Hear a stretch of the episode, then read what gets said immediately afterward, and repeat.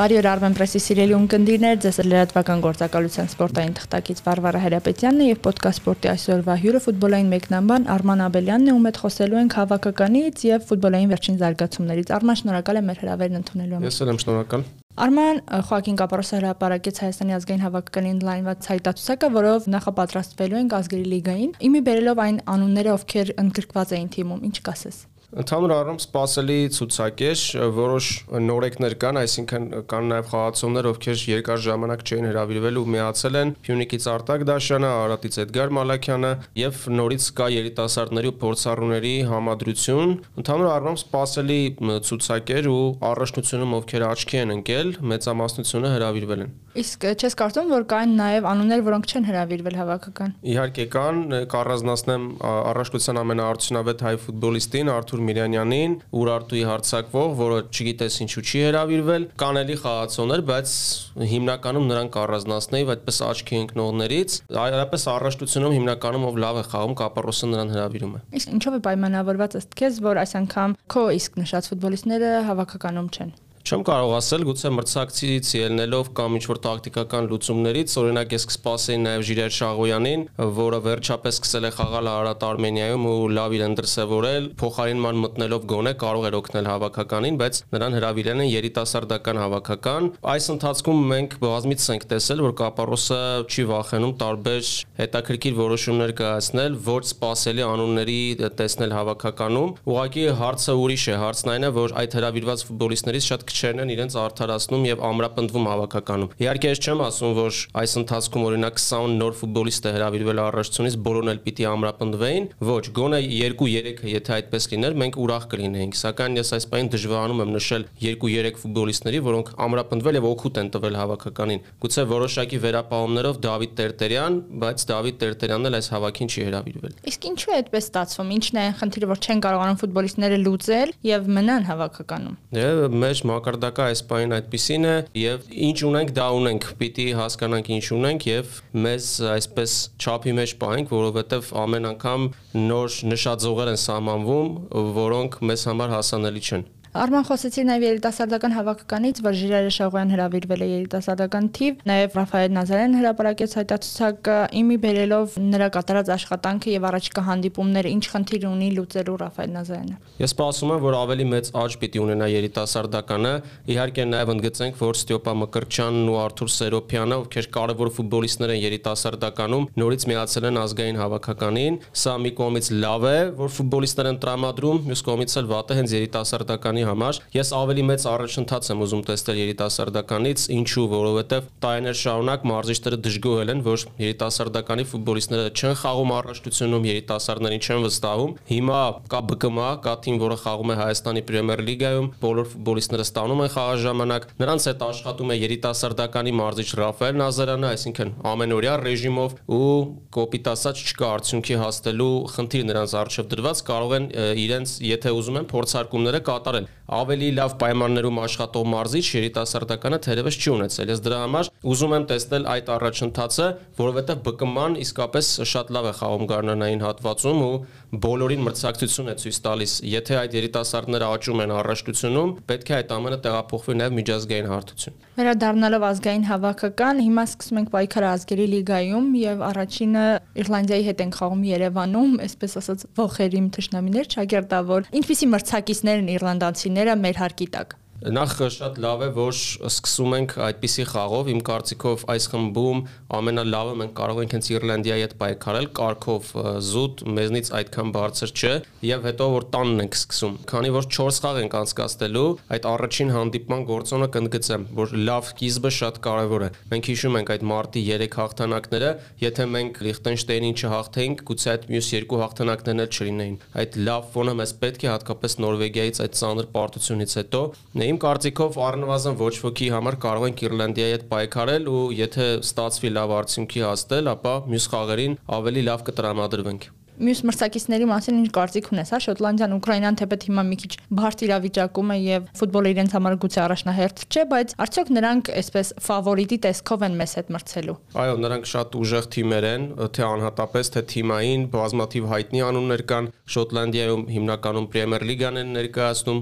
Ուկրաինան էլ նույն Զինչենկո, Միկոլենկո, Յարմոլենկո եւ այլն, նույն Մալինովսկին Ատալանտայից, այսինքն շատ հնչեղ անուններ կան, խաղացել են Եվրոպայի առաջնությունում, վերջին շրջանում անպարտելի են եւ ես կասեի, որ նրանք մեզնից կարգով բարձր են։ Ինչ վերաբերում է Ուկրաինային, ապա նրանք այո ֆուտբոլիստերից շատերը պրակտիկա չեն ունեցել, բայց վերջին 1 ամսում հավաք է անցկացրել Ուկրաինայի հավաքականը այդ տեղի ակումբների ֆուտբոլիստներով ընկերական խաղեր եւ իդեպ պիտի նաեւ Շոտլանդիայի հետ խաղան անցումային խաղեր աշխարհի առաջնությունում մեկ խաղ պիտի անցկացնեն ու կվճռվի Շոտլանդիան է գնում թե Ուկրաինան մեզ համար կարեւոր է որ կարող ենք այդ թիմերին իրար հետ խաղալիս տեսնել գործի մեջ եթե Ուկրաինան առաջինը մեզ հետ խաղար իհարկե կազդեր այդ դաթարը որովհետեւ շատ ֆուտբոլիստներ կես տարի պաշտոնական խաղ չեն անցկացրել բայց մեզ հետ խաղալուց առաջ առնվազն երկու հանդիպում անցկացրած են լինելու այսինքն դրանք կլինեն արդեն ռիթմի մեջ ու մեզ հետ խաղում դժվար թե Երևան այդ բաց թողումները։ Արման օրեր առաջ ավարտվեց նաև Հայաստանի առաջնությունը, դու այն բացառիկ մեկնաբաններից ես, ով ուղն ու ցուցով սիրում է Հայաստանի առաջնությունը եւ խորացել ես առաջնության արդյունքների եւ ֆուտբոլիստների, հատկապես ակումբների արդյունքների վրա։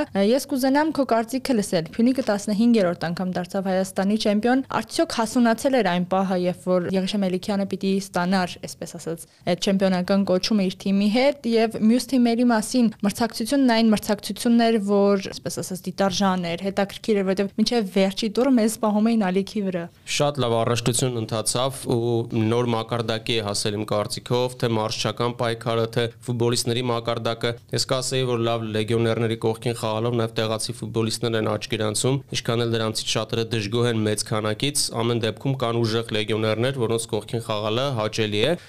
Ինչ վերաբերում է Փյունիկին Արարատ Արմենիային, ապա Արարատ Արմենիան ինքը այդ հնարավորությունը տվեց Փյունիկին։ Մեզ մոտ խնդիրն այն է, որ աշնանն ու գարնանային հատվածների միջև մեծ հեռավորություն կա մոտ 2-3 ամսվա եւ Արարատ Արմենիան 8 միավորի առավելությամբ ընդմիջման գնալով մի փոքր հանգստացավ կամա թե ակամա այդպես է ստացվում իսկ Փյունիկը ընդհակառակը կազմը ուժեղացրեց հզորացրեց թիմ եկավ առաջնության գլխավոր ռմբարկուն եւ այդպես սահուն նրանք անցան այդ ճանապարհը մեծ էր Եղիշե Մելիքյանի ներդրումը կան կոնկրետ խաղային գործոններ, որով Փյունիկը առանձնանում էր օրինակ ստանդարտներից շատ գոլեր էր խփում հակագրողներից նաև եւ կարեւոր էր որ ծանր պահերին Փյունիկը իրեն ավելի հանգիստ էր զգում քան Արարատ Արմենիան այդ բարդ խաղերում երբ պետք էր վերջնամասում հաղթանակ կորզել Փյունիկը դա կարողանում էր անել դա եւ Մելիքյանի շնորհիվ էր եւ նաեւ առանձին ֆուտբոլիստների որովհետեւ 4-5 հզոր հարցակվողներ ունեին Ֆիրմինո, Դեբլե, Կարաբալիո ու ես կնշեի նաեւ Գևորգ Ղազարյանին որը իհարկե այդքան շատ չխաղաց, բայց գուցե մարշչի չափ կարևոր էր հանդերձանում մտնոլորտի առումով։ Իդեպ իմ կարծիքով Գևորգ Ղազարյանը նաև կարող էր հավաքական հրավիրվել։ Այո, նա լիովին գուցե ֆունկցիոնալ պատրաստ չէ, բայց զուտ որպես առաջատար, որպես հանդերձանի մարդ հիմա հավաքականում հրավիրվածներից փորձառու ֆուտբոլիստներ էլի կան, սակայն այդպես ընդգծված առաջատար, որ կհամախմբի բոլորին, ես կարելի ասել չեմ տեսնում։ Խաղադաշտում գուցե դա լինի Վարազդատ Հարոյանը, բայց հանդերձանում դա կարող է լինել Գևորգ Գևորգ Ղազարյանը։ Արման, այսինքն մենք արդեն քիչ-քիչ սկսում ենք նկատել Մխիթարյանի բացակայությունը։ Այդպես էլ կարելի ասել, չնայած Մխիթարյանը իմ կարծիքով ավելի շատ հենց խաղադաշտում էր առաջատար, այսինքն իր շատ-շատ բարձր մակարդակով բոլորին ստիպում էր մեկ մակարդակ բարձր խաղալ, իսկ հանդերձանում միևնույնն է։ Ես մի օրինակ բերեմ, այդ մարտի 3 հաղթանակների ժամանակ Գևորգ Ղազարյանը էլի պատրաստ չէր, նա չխաղաց, բայց միշտ հավաքականի հետ էր մենք տեսանյութերով էլ ենք տեսել հանդերձանում էր խոսում էր եւ նման ֆուտբոլիստ նման համախմբով նման մոտիվացնող մենք կարելի ասել չունենք դրա համար իմ համար նաեւ մի փոքր զարմանալի էր որ Ղազարյանին չհրավիրեց Կապարոսը եւ մենք այսպես ասած շատ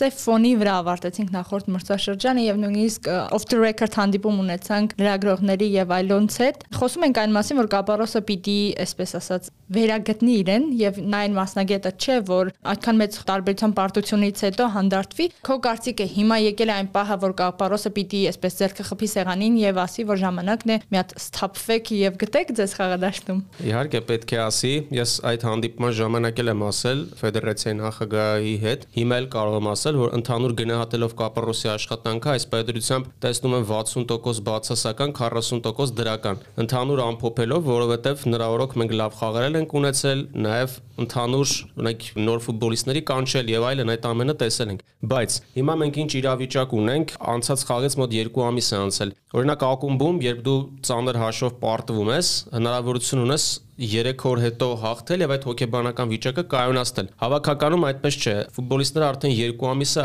այդ խաղը մտքում են պահում եւ արդյոք Կապարոսին կհաջողվի նորից բոլորին համախմբել իր շուրջ։ Կար ժամանակ, երբ դա այդպես էր։ Մենք դա հրաշալի տեսնում ենք թե խաղադաշտում, թե մարզումների ժամանակ։ Հիմա այս մի փոքր կասկածում եմ։ Այո, Կապարոսը միայն նա մեղավոր չէ այդ 0-9-ի մեջ, շատ գործոններ կային, շատ ենք խոսել այդ թեմայով, սակայն ֆուտբոլիստների հոգեբանությունը այստեղ առաջնային է։ Մեր ֆուտբոլիստները ինչ են մտածում Կապարոսի մասին, արդյոք դեռ հավատում են նրան։ Ես մի փոքր անկեղծ ասած կասկածներ ունեմ այդ առիթով։ Մի բան մեզ կարող է շատ օգնել, նորից նշեմ, եթե մենք տանը առաջին խաղում Իռլանդիայի հետ լավ հանդես գանք ու ցանկալի է հաղթենք։ Դա հոգեբանական վիճակը շատ կփոխի։ Բայց եթե հանկարծ ինչ որ բան այնպես չգնաց, հետո մենք եւս 3 խաղ ունենք, փաստորեն 10 օրվա ընթացքում 4 խաղ, կարող ամեն ինչ ավելի վատ ավարտ ունենալ եւ նման խիտ գրաֆիկի պայմաններում գուցե հավասարաչափ կարեւոր է նաեւ ֆիզպատրաստության մարշչի աշխատանքը Խավիեր Մինյանոյի, որը նույնպես շատ փորձառու մասնագետ է, ինչպես թիմը կվերականգնվի, կհասցնեն ընդհանրապես վերականգնվել, թե չեն հասցնի։ Այստեղ այնպիսի գրաֆիկ է, որ երբեք չի եղել հավաքականների մակարդակով իրար հետևից 4 խաղ։ Դրա համար բոլորիս համար էլ նորություն է ու դեռևս առեղծված է, թե ինչպես են սա հաղթահարելու։ Արման չեմ կարող չհարցնել, օրեր առաջ Ռեալը նվաճեց իր 14-րդ Չեմպիոնների լիգայի գավաթը եւ այսպես ասած Լիվերպուլին թողեց ձեռնույնեն։ Ինչպիսի եզրափակիչ էր այդ եզրափակիչը եւ արդյոք Ռեալը այն այսպես ասած անսպասելի զարգացումներով խաղը ցուցադրեց եւ ստեղծեց իր 14-րդ գավաթը։ Բոլորը խոսում էին Տիբո Կուրտուայի մասին եւ խոսելու առիթ շատ կար։ Ուղղակի Կուրտուան այդպես խաղացել է ամբողջ մրցաշրջանում։ Ես շատ եմ նշում այդ վիճակագրությունը, որ չնայած Ռեալը Լա Լիգայում դարձել է հաղթող, չեմպիոն է դարձել Իսպանիայի, բայց պաշտպանությամբ լավագույնը չի եղել նույնիսկ կան ցածր տեղերի թիմեր, որ ավելի քիչ գոլային պահեր են ունեցել իրենց դարպասին, քան Ռեալը։ Այսինքն նորից փայլել է Տիբո Կուրտուան։ Ինչ վերաբերում է եզրափակիչին, Լիվերպուլը առնվազն ոչ ոքի արժան էր, որովհետև շատ պահեր ստեղծեց, սակայն մենք գիտենք Ռեալը նման այդպես բարձր փուլերում եզրափակիչներ, կիսաեզրափակիչներ իրեն ինչքան վստահ է զգում։ Թե մարզիչը, թե ֆուտբոլիստները, ամեն ինչ տեսած ֆուտբոլիստներ են, այնտեղ մի կույտ կա ֆուտբոլիստների, Բենզեմա, Մոդրիչ, Կրոս, Կազեմիրո, Կարվախալ, որոնք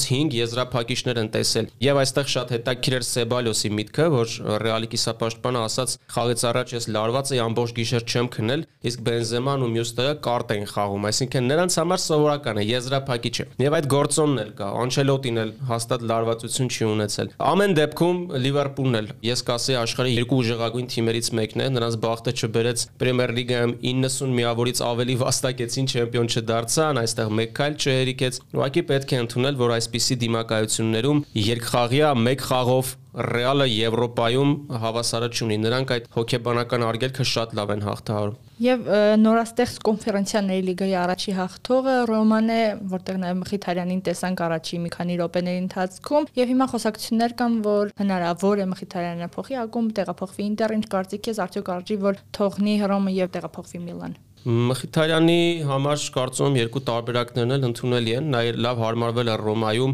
Մորինյոյի հետ վերջապես շատ լավ հարաբերություններ է հաստատել։ Մյուս կողմից կարող եմ հասկանալ, որ Մխիթարյանը այնպիսի տարիքում է, որ եթե կարիերայի ավելի լավ տարբերակ է ստացել, նա կուզենա տեղափոխվել։ Իմ կարծիքով նա այնպիսի մենթալիտետ ունի, որ առաջինը մտածում է մարզական գործոնի մասին, հետո նոր գումարային եւ մնացած։ Այսինքն Ինտերի հետ նա կարող է խաղալ Չեմպիոնների լիգայում, ինչը չի անում Ռոմայի հետ, ինչը չի արել վերջին տարիների տարիներին իր կարիերայում եւ նա մտածում է ինչու չգնալ այդ քայլին։ Իմ կարծիքով կհարմարվի։ Մխիթարյանը ոչ բնավորության խնդիր ունի, ոչ խաղային կարգապահության խնդիր ունի, նա բազմաթիվ դիրքերում կարող է խաղալ։ Իմ կարծիքով կհարմարվի Ինտերում։ Ես այդպես եմ բացատրում, որ նա չի ուզում ձեռքից բաց թողնել Չեմպիոնների լիգայում նորից խաղալու շանսը։ Արման, շատ շնորհակալ եմ բազմաբավանդակ զրույցի համար։ Ես էլ եմ շնորհակալ։